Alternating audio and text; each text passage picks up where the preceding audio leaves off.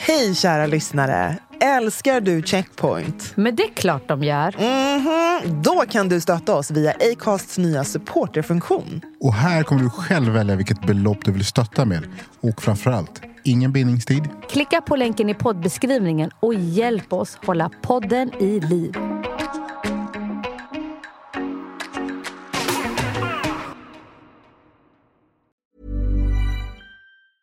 Many of us have those stubborn pounds that seem impossible to lose, no matter how good we eat or how hard we work out. My solution is PlushCare.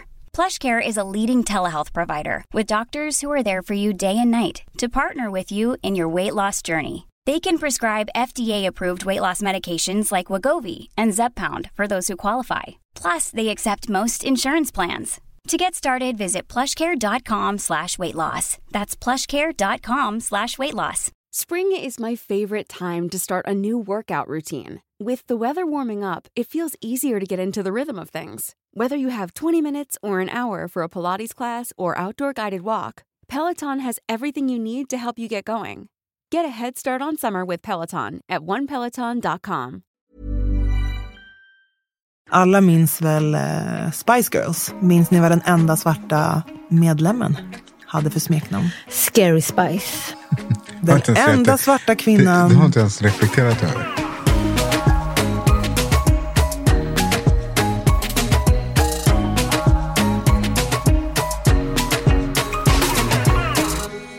Välkomna till Checkpoint avsnitt 9! Yay! Woho! Välkomna tillbaka allihopa. Trion är tillbaka i studion. Yes we are. Hur, eh, hur mår ni? Bra, bra. Det känns bra. Eller nu när du sa avsnitt nio, tänkte jag shit. Det är så många samtal vi har haft alltså. God damn it. Yes. Kul. Men, Men eh, så spännande. många, som, eh, många fler samtal vi kommer ha. Ser fram emot. Verkligen.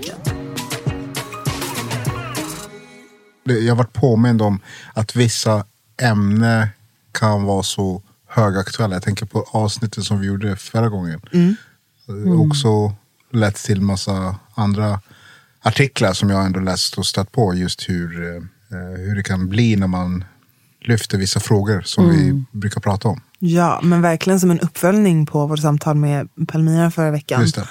Att d- branschtidningen Journalisten har ju skrivit lite mer om de här restriktionerna. Jag såg faktiskt något sjukt intressant igår kväll. Och det var delvis då att den här branschtidningen lyfte det. Så att de ehm, personerna eller journalisterna då som har fått sina restriktioner emot sig är alla icke-vita personer som tog initiativet till eller signerade deras upprop. Det var en vit man som också skrev under det här uppropet. Han fick inga restriktioner emot sig riktigt alltså. När han valde att påpeka det och branschtidningen lyfte det, då fick han det. Så internt Mm. så ansåg inte ledningen att han tog en politisk ställning. Exakt. Det Så tillbaka till det här med att vita män kan vara, uppenbarligen kan vara väldigt, väldigt objektiva. Och folk som säger att strukturell rasism inte finns. Ja, jag vet. Ja, men det är så sjukt. Och kontot Svart historia som Mm. Amat har eh, skrev jät- en jättebra, han skrev en fantastisk eh, krönika i DN om det också. Jag Det kan jag verkligen tipsa om att läsa. konsekvensen av att Precis. Precis.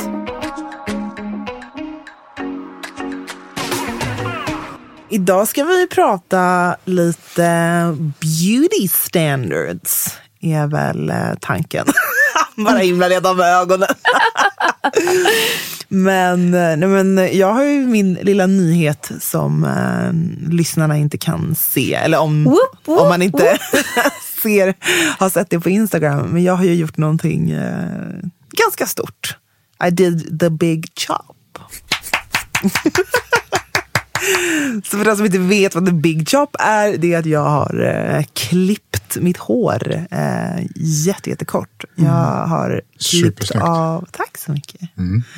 Jag... ehm, men alltså bakgrunden är ju att alltså, jag har inte haft mitt naturliga hår sedan jag var tio år gammal. Jag är 32 idag. Så när jag var tio började jag att platta och rakpermanenta och göra allt för att mitt hår skulle vara så skandinaviskt som möjligt. blekt, haft extensions, allt möjligt. Allt för att eh, känna mig vacker. Så Enligt vems standard? Ja, precis, enligt vems standard. Men det, ja, nej men jag uppskattar verkligen att eh, många säger att det är väldigt modigt och det är väldigt stort eh, så på många sätt. Men det är ju så mycket mer än att bara så här, "Jag gå och klippa mig. Alltså det, det har verkligen varit en process. Det är inte någonting jag bestämde att göra den dagen, utan jag har nog liksom funderat på det i flera år. Och det har tagit mig väldigt, väldigt lång tid att komma till den platsen där jag vågar göra det och vågar börja vad man kallar för liksom sin hårresa. Sin resa tillbaka till att hitta sitt Natural hair. natural hair. Så jag kan bara säga att det här är inte kanske mitt absolut område att diskutera saker och ting. Men jag är så tacksam för att få vara med och lyssna och eventuellt kanske bidra med någonting. För att jag tänker, det du säger påminner mig också att, lite grann om ett samtal som inte, inte allt för länge sedan som jag hade med min dotter. Och eh, saker och ting som hände på hennes skola. Som, När hon kom hem så kände hon att men hon ville inte ha utsläppt hår, hon ville ta bort saker och ting. Och hon var, hon var eh, exkluderad i vissa lekar på grund av hennes eh, hudfärg. Och, så, att, så hon började gråta för att gå till skolan. För att hon, så att när du säger det du säger kan berika mig på något sätt och kanske till och med också kan hantera det samt, eh, när det, det kommer, det kommer, här samtalen kommer pågå med min dotter, det vet jag. Eh, Hon, är, hon är i den åldern, hon är åtta nu. Så att, Ja. så att hon kommer fortsätta ställa frågor och vi kommer nog diskutera om skönhet och hår och, och utsläppt eller inte utsläppt. Och, Jag tycker att det är skitmodigt av dig. Jag har ju slöja på mig, så det är inte så många som ser mitt hår. Men eh, jag gjorde ju också en big job eh, efter sommaren. Då. Och eh, min hårresa var, var väldigt känslomässig. För att eh, mitt hår, alltså under, ja, i flera år har jag ju färgat håret, blekt håret, plattat sönder håret för att få till det här eh, raka, snygga håret. Eller då trodde jag att det var det snygga håret. Då. Och sen så rakade jag av allting, funderade i några dagar. Och sen eh, tog jag min mans rakapparat. Jag gick in på toaletten och började raka håret. Och jag hade innan sett några dagar innan att Tiffany Haddish hade rakat håret. Och alltså jag kunde se en sån glädje i henne efter att hon gjorde det. Och jag bara, hmm, all right, let me try. Rakade håret och bara kände på en gång hur, alltså alla de här åren där jag har typ sagt till mig själv att jag är inte lika vacker som andra kvinnor och mitt hår måste vara på ett visst sätt. Det bara försvann. Eh, nu är mitt hår, vad kan det vara, fem centimeter? Men jag har fått tillbaka mina naturliga lockar. Ja. Eh, och behöver inte alls ha massa silikonprodukter i håret och så vidare. Och det känns bara så jävla befriande. Ehm, men det roliga var att min dotter, hon är tre och ett halvt. Och hon var så här, mommy, och hon pratar engelska. Hon bara, mommy, mamma, mommy's hair like dad's hair. Eh, jag var så här, men visst, visst är det fint? Och hon bara, hon behövde fundera. Och jag bara, shit, säg inte, att hon. Mm. säg inte att hon redan i den här åldern har blivit påverkad utav den europeiska skönhetsidealet. Och då var det så här, men, men jag ska inte stänga, alltså jag, ska inte, jag ska inte försöka tame her hair. Nej. Hon ska få ha hennes naturliga hår, lockigt, eh, alltså half afro, whatever. Så att hon ser skönheten i det. Mm. Och inte att jag i en tidig ålder börjar, ni förstår, alltså Ja, så här, precis. Mm. slicka tillbaka håret och sätta upp det eh, på ett kontrollerat sätt. Eh, och nu när jag frågar henne, eh, vad tycker du om mammas hår? Då säger hon, it's beautiful. Mm. Så någonstans så har det hänt, det har hänt någonting. Det här är ju en perfekt tid för just det. Alltså jag hade ju inte kommit hit om inte eh, saker och ting hade hänt. Att natural hair har blivit mycket mer av en trend. Men det där är så himla intressant för att precis det du berättade Brandon om liksom, din dotter. Det var, det var ju så det började för mig. Att jag har ändå haft, alltså min mamma är ju vit men hon har verkligen gjort allt alltså för att vi ska, både så här, hon har lärt sig att styla, fläta, rubbet. För att ta hand om våra hår och att det ska liksom vara mm, hälsosamt och fint. Hon har alltid uppmuntrat det. Men jag var så, jag påverkades så mycket av det. Alltså att jag ville inte. Det, för just den där upplevelsen i skolan, ute. Men också att jag tid, väldigt tidigt Alltså vi pratar, jag har minnen från dagis där jag minns att jag blev exotifierad för mitt hår. Alltså av andra Mm. barn. Att det var liksom oh, det är så spännande och folk skulle ta på det och det var en pojke som ville sova på mitt hår som en kudde och mycket sånt. Jag, jag, nu kan jag ju sätta ord på det men jag minns ju bara att det var väldigt obehagligt. Jag, jag var inte bekväm. Det var integritetskränkande att någon liksom tog sig friheten. Och då tänkte jag att nej, men om, det, om det är rakt så kanske det slutar. Och sen också att ehm, Robin var ju väldigt stor när jag, när jag var liten. really Exakt, och hon hade det- ju mm. jättekort liksom, rak par. Så jag ville ju ha det, för alla klippte ju sig så. Det gick inte på mitt hår kan jag säga. Det stod rätt ut åt alla håll. Men, så att någonstans är det liksom, det är mer, mer det externa som påverkade mig snarare än att någon annan liksom i min familj, i min närhet sa att det inte var fint. Även under min uppväxt, alltså, alla mina nära vänner har alltid varit så här, åh men alltså du har så fint hår. Och jag bara nej, nej, nej, nej. Men det är ju allt man ser. fina. Det är ju allt man ser på tv, på tidningar. Exakt. Alltså alla modeller. Nu ser man ju alltså, modeller med afrohår, Mm. med braids och olika... Alltså, Shades. nej men protective hairstyles i, i media. Men på den tiden så gjorde man ju Nej, inte det. Och då blir det inte. verkligen så här, Det enda man såg var den här L'Oreal-reklamen. Because you're worth it. Exakt. En, det var aldrig någon ni vet, som kämpade med att få igenom ni vet, fingrarna genom håret. Nej, men du vet, men alltså, come on! Jag har alltid drömt om att det ska finnas en sån reklam. Att man ska bara säga because you're worth it. Men du vet, det tar ett tag tills fingrarna går igenom håret. Because you're worth it. Because många av oss har den typ av håret. Och Ja. varför ska vi känna att vi inte är vackra nog? För att vi har en viss typ av hårkonsistens som Mm. inte vita kvinnor har. Ja, jag, jag går tillbaks, ja, men det där som också så här, diskussioner med hur man, vad man har. Alltså det börjar ju självklart med det här, ett samtal i hemmet om okay, vad är okej och inte okej. Kon- Just det här när det kommer till att Ida och flera tillfällen kommer ta- tillbaka. De tar på mitt hår, jag vill inte och så vidare.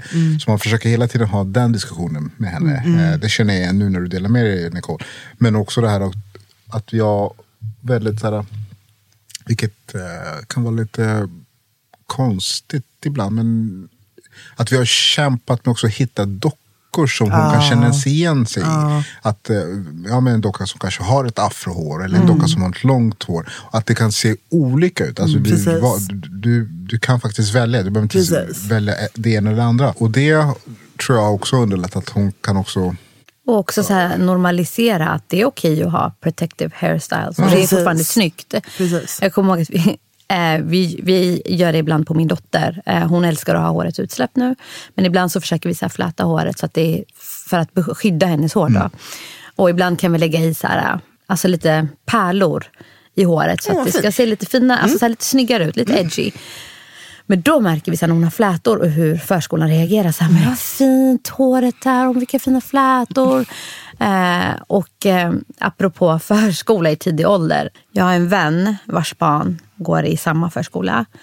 Eh, och eh, ni vet att man behöver ha bra produkter i svart hår. Precis. Eh, och eh, då hade mamman då lagt bra produkter eh, i, i, i flickans hår. Och de här produkterna, alltså doften, det doftar inte så mycket. Det är inte så superparfymerat och det är inte jätteoljigt. Men hon har produkter i håret och det behöver hon ha. Och då hade förskolan påpekat att det luktar någonting. Eh, och eh, det finns ju barn och pedagoger som, eh, som är allergiska. Alltså som, som, ja, men du vet, så här, som är doftallergiker. Så ni kanske borde tänka till vad ni lägger i er flickas hår. Nej, men kanske alltså- produkter eller oljor som inte luktar. Och när hon sa det till mig, jag var så här, nej men nu ringer du chefen och säger till så här, det där är diskriminering. Ja, det är det. 100 procent. För att det, det är produkter som inte doftar för mycket. Men varför påpekar ni det when it's a black girl's hair? Exakt. Men det känns ju, det, det där är en typiska liksom, stigman eller så här, Mm. för, fördomen om att svartas produkter, alltså de luktar starkare. Luktar eller, coconut. Ja men precis, det är så, ja, Ja. väldigt kokosigt idag typ. Man bara, ja, jag vill inte lukta barr som du gör. Nej men alltså. Nej men alltså, och den, det, allt det där, allt det där gör ju liksom att man systematiskt under alla år har mindre och mindre velat bli utsatt för det. Och då gör det ju att man mer och mer förändrar eller liksom assimilerar sig så att man kan använda andra produkter och känna sig inkluderad. På samma sätt som när det gäller smink. Som inte har funnits för mörkare hudtoner förrän de senaste åren. Vilket är Praise också that, alltså. helt sjukt. Det är, det, är en, det är en egen föreläsning om det. Nej, men alltså, så att någonstans också att man gör, man gör så mycket för att passa in i det västerländska skönhetsidealet. Och håret är verkligen bara, det är en jättestor del av det. Men till vilka längder man går. Att så här, jag, har, jag har bränt av mitt hår. Shit. Det har, det har bränts sönder med rakpermanent. Jag satt i duschen och tussar av hår kom av. Jag har blekt sönder mitt hår. Jag har liksom du vet, dragit och plattat och bränt hårbottnar. Alltså det är så mycket lidande. Bara för att någonstans liksom känna sig vacker eller känna att man är good enough. Fast grejen är att när man väl känner sig vacker så, bli, så får man oftast höra så här. You look cute. Men det är oftast you look cute for a black girl. Alltså, Exakt. du är, inte, du är inte vacker om man jämför dig med icke-svarta. Precis, för att skönhetsidealet är ju någonting annat. Sen, och det som blir så paradoxalt är ju då när vi har kändisar som har eh, kapitaliserat eller approprierat på svart kultur. Det är, där börjar vi få ett riktigt problem. Om vi framförallt lyfter ett praktexempel som många pratar om och vet om, The Kardashians. Som har väldigt mycket attribut från svarta kvinnor där de blir hyllade som vackra och sexiga och att det är så man eh, aspirerar att se ut så länge du inte är svart. För på oss så är det ju inte vackert eller sexigt eller accepterat. Och det är det som, ah, det, jag blir skitarg. Eh, De kör ju, det, det, det, men det är Alltså, det här så som är så svårt. Att, så här, eh, should, alltså, så här, kvinnor ska vara kurviga, but black girls been, been curvy exakt, like for years. the whole time. Förstår du? Det är, så att det liksom- bara är kom upp nu. ut. Men nu när de är det.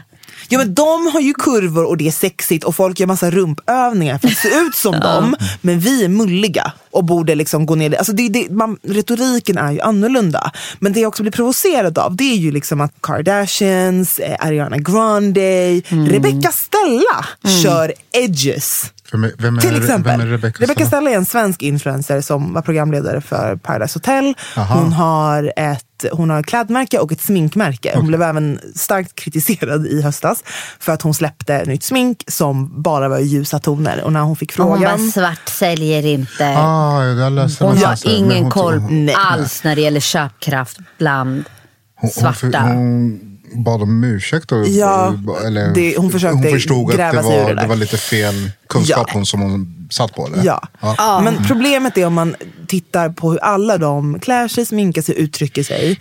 Edges är ju då när man stylar sitt babyhår. Och det är en Ja, det är en stil eller eh, ett sätt att styla sitt hår som är väldigt eh, stort eller common i svart kultur och har varit det väldigt länge. Eh, jättesnyggt.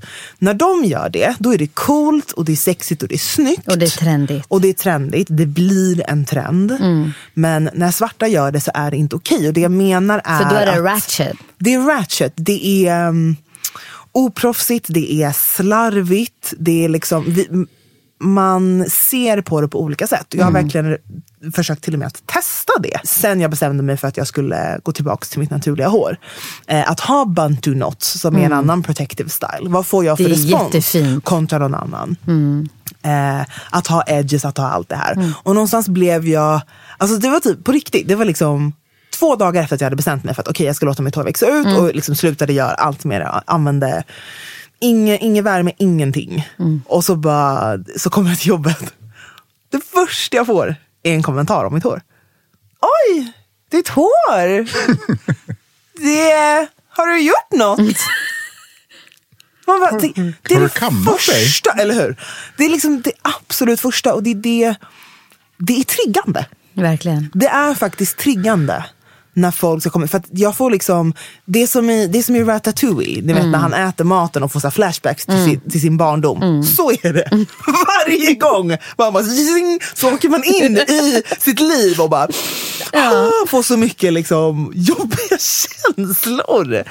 Åh, det är fruktansvärt.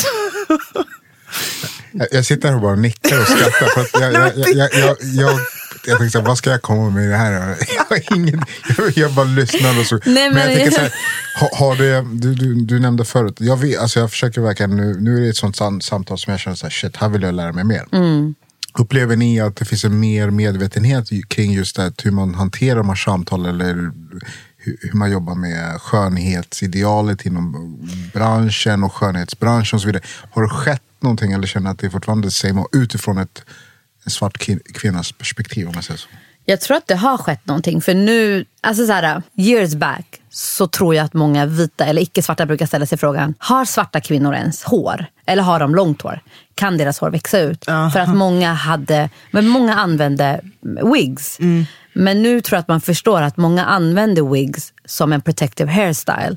Så att man, man skyddar sitt naturliga hår för att inte utsätta det för värme eller färga och så vidare. Men, och, men det har ju, som du säger, det har inte ansetts vara professionellt Precis. när en svart kvinna kommer och byter hår en, alltså varje dag i veckan. Men nu när det är vanligt att vita kvinnor gör det, alltså influencers eller whatnot, Instagram-modeller, då anses det vara Ja men vad coolt, hon experimenterar och vad fint och så vidare. Ah, Eh, okej, så jag tror att någonstans så har vi gjort en resa. Men problemet är att resan, vita accepterar mer svart hår fast inte på svarta. Förstår ni lite You hur jag menar? Hon serverade den på ett silverfat. Det är exakt det. Vet du, jag fick en liten flashback om vi ska gå tillbaka till så här, nej men skillnaderna mellan då, eh, alltså 80-talet Mm. och nu till exempel. When you got a perm, when white ladies got that perm. Mm. Och ha, för att få lockigt, krulligt hår. Exakt. Mm. Gärna afro, eller när man våfflade håret. Det var ju jätteexotiskt och snyggt på vita. Men inte på oss. Nej. Alltså det, det är det någonstans som är skillnaden och vi har blivit inpräntade med det här hela tiden. Delvis att man blir defensiv men också framför allt att så här, nej men, målet har ju varit att se ut som en L'Oreal Wella kvinna. Då är jag lycklig. Det är därför man har weave, alltså allt möjligt. För det där svallet är det eh, du vill uppnå. Det är det all reklam, alla liksom, ideal vi har matats med har sagt till oss. Det har hänt väldigt mycket. Eh, Lush har ju till exempel släppt en, eh, en hel kollektion bara för afrohår. Det tycker jag är väldigt stort. Eh, vi har massa andra märken som liksom kommer upp och jobbar med det. Men Finns det black ses- owned också. Precis, men det, det ses fortfarande inte. Vi ser mer representation i tidningar, på covers. Men vi ser också fortfarande att det är så mycket som inte görs ehm, behind the scenes. Det är fortfarande modevisningar eller plåtningar där personalen inte kan modellen. De, kan, de har inte sminket när de kommer på plats. Hände senast förra veckan på en plåtning. De kan inte håret. Och det var ju också det som eh, till och med David, kommer jag, minns jag, när han var David Zingasson. Precis. Och, och, just där när han sitter i, i, i sminkstudion Ja. och, och måste då Och förklara. de bara, du behöver typ ingen smink. Han bara, mm. Cause you don't have any. ja, nej, så vi, Eh, Så det är ju fortfarande inte där. Det är någonstans som att återigen att vi, det, det är inte lika viktigt.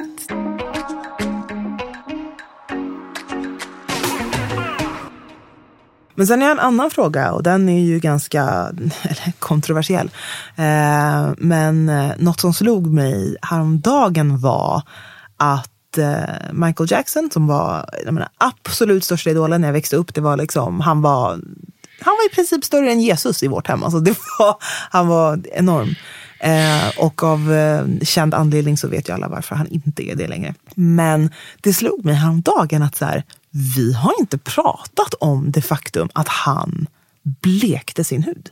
Jag kanske tillhör den Minoriteten. lilla, Den lilla klicken som inte liksom, nej, men den lilla klicken som kanske gått på att han hade vitiligo. att, ja, att jag, Nej men vet du? God Nej, men alltså, jag är fortfarande där. Nej, men alltså, jag är jag så med dig. för Jag, äh, vill, jag ville så gärna tro på det. Jag trodde på det i alla dessa år. Såg massa dokumentärer. Ja. Nej men han har vitiligo, det är helt för... Nej! Den där sjukdomen gör inte Nej, att men, det ser nej, nej, ut nej, så. jag fattar. Jag tänkte så här, nej, men jag tänkte att han har den sjukdomen. Mm.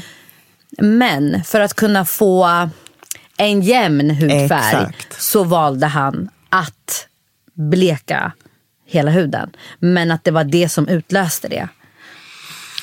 Alltså- för det kändes lite, det är inte okej. Men för mig kändes det så här, Ah, okej, han- men han om hjälp, du inte eller? hade den här sjukdomen så skulle du fortfarande Fast det är en vara black. Men sen när jag kombination såg att han började du vet, så här, operera näsan Ja. och tog bort all, alla Se, alltså, svarta håret. attributer han hade Ja, exakt. och drag. Ja. Bara, he's- ah, jag kanske inte ska uttrycka... Så han hade, Jag höll på att säga, han hade, han hade två sjukdomar som han krigar, krigar emot. Det ena Ja. var det här med hud, alltså hans hud Mm. och, och så. Det andra var det här det inre. Ja. Den identiteten kring att han inte riktigt var bekväm med att vara Mm. en blandning av Nej men, någonst- nej men precis, alltså, exakt. Och jag- jag vill använda det som ett exempel i den här diskussionen. Mm. Att så här långt kan det gå. Så här mycket självhat eller så här mycket kan du göra mot din kropp Mm. för att uppnå det skönhetsidealet som du känner att du måste vara. Och det, Och det pågår och fortfarande. det pågår Precis. fortfarande. Alltså, så här, det, finns, det finns stora bolag alltså, som fortfarande kapitaliserar på, i Afrika speciellt, att de tar fram eh, produkter där det framgår i kommunikationen. Använd den här produkten så blir du ljusare. Precis. Och det är en jättestor marknad där nere. Sen finns det även Afrika, kändisar som... Jamaica, Du har till och med i, vad, vad är det, i Brasilien. Ja, det- jättestort i Brasilien. Så att, eh, tyvärr. Men också att det här, för att gå tillbaks till då skönhetsidealet, det är inte bara specifikt kanske riktat då eh, mot svarta. Utan överlag i världen så finns det en, eh, man vill, eh, det finns en anti-blackness. Exakt. Eh, som är liksom global. När jag bodde i Tokyo, eh, där finns det väldigt, väldigt mycket blekningsprodukter. Och alla har liksom typ 70, eller 50 eller 100 i solskyddsfaktor för att man vill inte få någon form av sol. Man går runt med paraply på sommaren för att inte få eh, något UV på sig. Och då, eh, Beyoncé eh, hade väl något samarbete, jag kommer inte ihåg om det var L'Oreal eller något stort varumärke. Där de på hela kampanjen och på alla bilder och så hade photoshopat henne Ljusare. vitare. Och sen promotade alltså produkt, blekningsprodukter genom henne. Eh, jag vet att hon antingen stämde dem eller hon eh, gick emot det när hon fick höra om det. Men jag bodde där då och såg de här produkterna och såg också hur retoriken är. Eh, sen finns det ju en historisk del till det här också, framförallt i Asien. att Back in the, way back in the day, så var de som var solbrända, det var farmers. Det var arbetare som var ute på fälten hela dagarna. Och de rika kunde sitta inne och inte få solljus på sig. Så att klassiskt eller liksom historiskt sett så är det en statusfråga. På samma sätt som att typ i Sverige så var det så här, det så tjockare du var, desto rikare var du. För då hade du råd att sitta och tjoffa hela dagarna. Och arbetarna, det var de som svalt och var smala. Så det, det tillhör också liksom en annan kulturell historisk del. Men, men där har vi ju också det här, alltså det, det är fortfarande anti-black. Och då blir det ju så paradoxalt när vi sen har massa influencers som ska spraytanna och man ska vara så solbränd och härlig och solkysst. Där är det vackert, fint, eh, det är så man ska se ut. But not if you're black. Nej. Jag kommer att tänka på en Sen- reklam ja. från eh, just Asien. Där, där, Ja. eh, där eh, kvinnan... eh, Alltså, jag, Ja, jag kommer jag ja, kommer jag vet vilken du menar. Vad sa du? Jag vet vilken du menar. Ja, eh, det finns en reklamsnutt, eh, eller en reklam som gick i Asien, och så jag kommer inte ihåg exakt vart det var. Men där man, det var tvättmedel och det var en, en svart man som en asiatisk kvinna eh, tryckte ner i en tvättmaskin. Mm. Och eh, slutet av filmen så, den som dök upp eh, ur maskinen var då en... Eh, Och så sa det så här, vi tvättar bort Ja. allt smuts. Ja, så det är, det är fruktansvärt att se sådana där bilder och att det, att det pågår fortfarande. Och det här var inte så jättelänge sedan. Jag tror Det att var max två år sedan. Ja. Eh, och sen just det här med att Dav och alla de här, för inte så länge sedan fick massa skit från, alltså, från dark skin till normal skin. Eh, Just det. Så att det, Och de har också haft en eh, re-civilize yourself. ja, och där var, vi, det var en svart man då. Som så ska hade- slänga bort hans afro. Precis. Och, ja, hela dreadlocks. Han hade ansiktet, ja, dreadlocks. dread, ja. dreadlocks och, Va? Det här har jag missat. nej, det pågår. Det här var... Det kan, det kan inte heller vara för inte mer än fem år sedan kanske. Och det är inte den enda tabben de har gjort. Nej, det, så att Men det, det här är anti-black som du sa, pågår ju i, på väldigt många olika Ja. områden. Men så här, någonstans, och alltså verkligen till, till dig som lyssnar, så det vi försöker lyfta fram här är just varför så många reagerar på appropriering. Det vill säga, vi, man får så mycket emot sin svarthet. Det är så mycket, du ska tvätta bort den, du, ska, du får inte ha ditt hår som det är, allt det här. Tänk er då hur provocerande det är när vi då har en vit kvinnlig kulturminister som har dreadlocks. Det blir provocerande för att hon blir inte behandlad på samma sätt. Hon bär det som någonting exotiskt, som någonting coolt, att hon är chill och gjort en jävla inresa och whatever. På Bali eller någonstans. I don't know. Men vi får inte jobb. Vi blir kallade ociviliserade, oproffsiga, fula, smutsiga. Klipp ditt hår. Ja. Och det, är- det är en och det andra. Så att, eh, Där är the fundamental Alltså jag tänker bara så här, difference. om vita personer visste hur mycket tid vi lägger på alltså hur vi ska se ut när vi Mm. ska till ställen för att verka presentable eh, och inte för svarta. Eh, hur vi anpassar vårt språk. Det är också en annan sak. Mm. Nu är det trendigt att prata like a black person. Jo men det är sant alltså. Det är trendigt. Alltså, influencers pratar, de använder ratchet och massa olika är slang.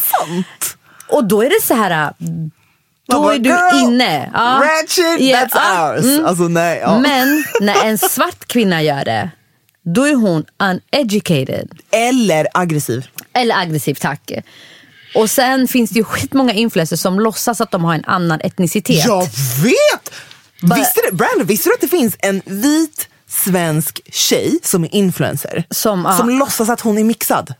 nej, jag Nej. jag skrattar men nej, jag, nej, Nej. Och hon har fått så många deals. Everyone thought she was mixed. För hon skrev... Hon har nej, för hon modellat på fucking Nelly. Nej men hon skrev mix. Nej men hon skrev, hon tog, tillbaka, hon tog bort det. Hon Ah, skrev, hon mix, skrev på, mix. Ja, hon skrev mix på hennes info eh, på Insta. Och sen när det framkom då från personer som har känt henne. Ja hon är vit alltså från både mamma och pappa. var- Varför... men vänta, borde inte hennes endorsements Jo. försvinna då? Jo, det borde det verkligen. Nej, men Eller det det stack vart i- en liten backlash, jättekort Mm. period. Och då, tog hon, då la hon upp semesterbilder och bara, det här är jag och min bror. Vi blir verkligen sol, vi blir verkligen, vi får den här hudtonen när vi är ute i Mm. solen. Bara bra, du har inte den året om. Exakt. Och du Nej, men det, var, det var hela balletten. Det var liksom, det var afro. Det var, alltså hon, mål, hon sminkade ju sig så att hon skulle få de dragen. Och hon har säkert gjort fillers, jag vet inte. Men alltså hon såg 100% mixed ut. Alla trodde att hon var mixed.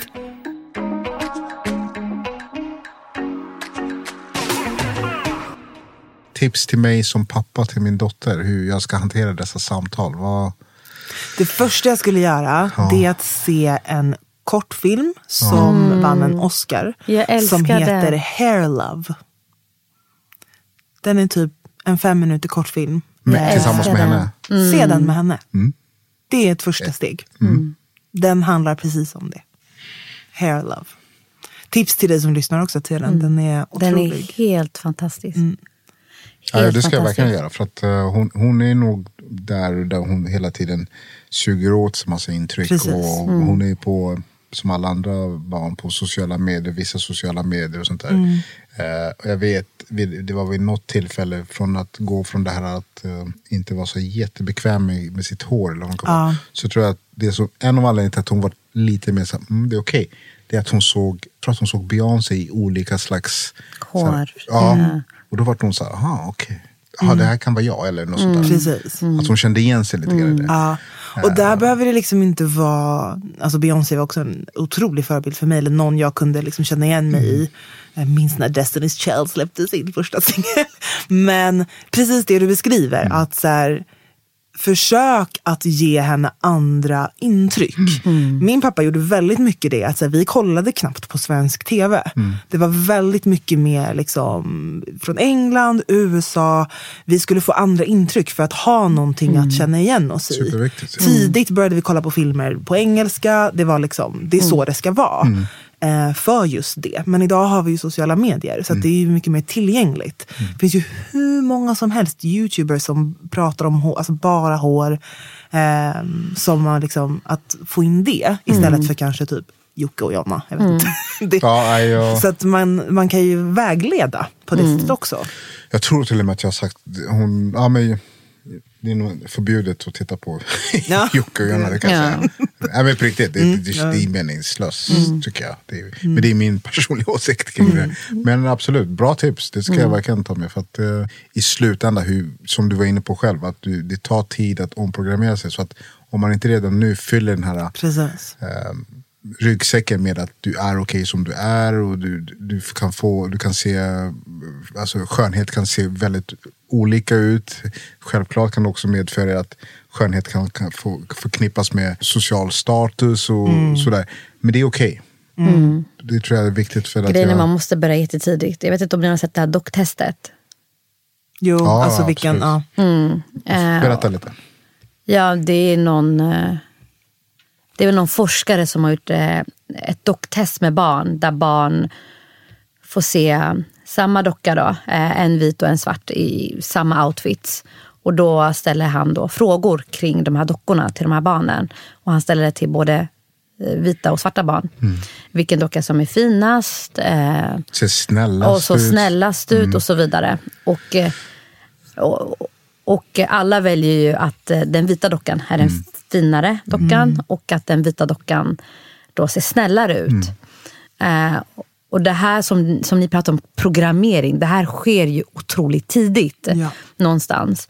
Eh, och jag tror nog att, som Nicole säger, alltså icke-vita barn då behöver få se ehm, andra skönhetsnormer. Alltså, så att de hela tiden inte compare themselves till det här vita skönhetsidealet.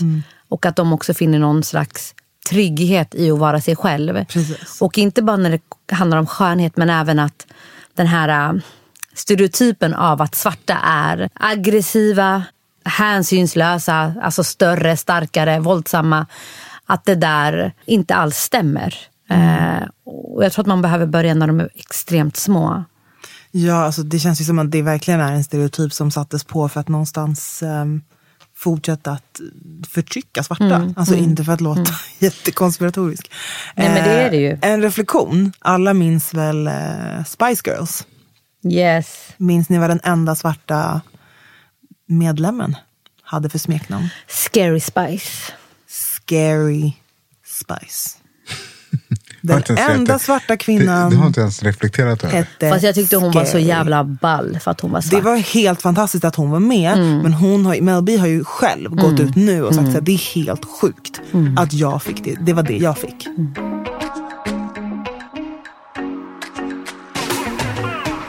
Det var ju min tur att förbereda någonting för Black History Month. Vilket jag har Yay. gjort den här veckan. Och den jag skulle vilja lyfta och berätta för er om är Lewis Howard Latimer. Vet ni vem det är? Louis, Howard Latimer. Han levde på 1800-talet, eller föddes mitten på 1800-talet eh, och var en amerikansk eh, uppfinnare och eh, patenterare. Ja. Det var, han jobbade bland annat med Bell och med Thomas Edison. Lampan. Fun fact. Det var our brother Lewis som kom på den glödlampan som faktiskt fungerade. Yes. Thomas Edison hade ett första, eller han hade väldigt många utkast på, på det här. Men hans glödlampa brann ut. den kunde inte hålla tillräckligt länge. Så att det var Lewis som uppfann, skapade den glödlampan som vi använder idag. It was a black inventor. Stor Jag säger till er, we're till magical. Lewis. Nej men alltså det är helt otroligt. Och jag, jag grävde ner i det här när jag, när jag hittade honom. Men eh, han hade en fortsatt fantastisk karriär efter att både ha jobbat med uppfinnaren av telefonen och då lampan som han egentligen kom på. Men som vi i, eh, i våra lektioner får höra lär vad, oss, vi vad, lär oss om, eh, eh, vad Edison. Um, han gick vidare till att jobba väldigt mycket med just patent. Mm. Eh, och blev faktiskt en juridisk rådgivare i hur uppfinnare skulle kunna få patent på sina uppfinningar och sådär. Yay, yay. Så att eh, jättespännande. Eh, Lewis Howard Latimer, thank you for giving us the light. Light. Tack för idag. Glöm inte att eh, följa oss på Instagram. Ni får jättegärna supporta oss på Patreon. På båda kan ni bara söka efter Checkpoint Podcast. Har ni tankar, funderingar? Slide into the eh, DM. Ja, men precis. Fortsätt skicka meddelanden, tips. Det kommer in massor. Så att det är bara att fortsätta. We love it. And we love you. Tack för att ni finns. Ha det bra. Vi hörs nästa vecka. Peace. Checkpoint! Med mig, Brandon och... Your girl Anbara. Och Nicole. Syns! Hej då!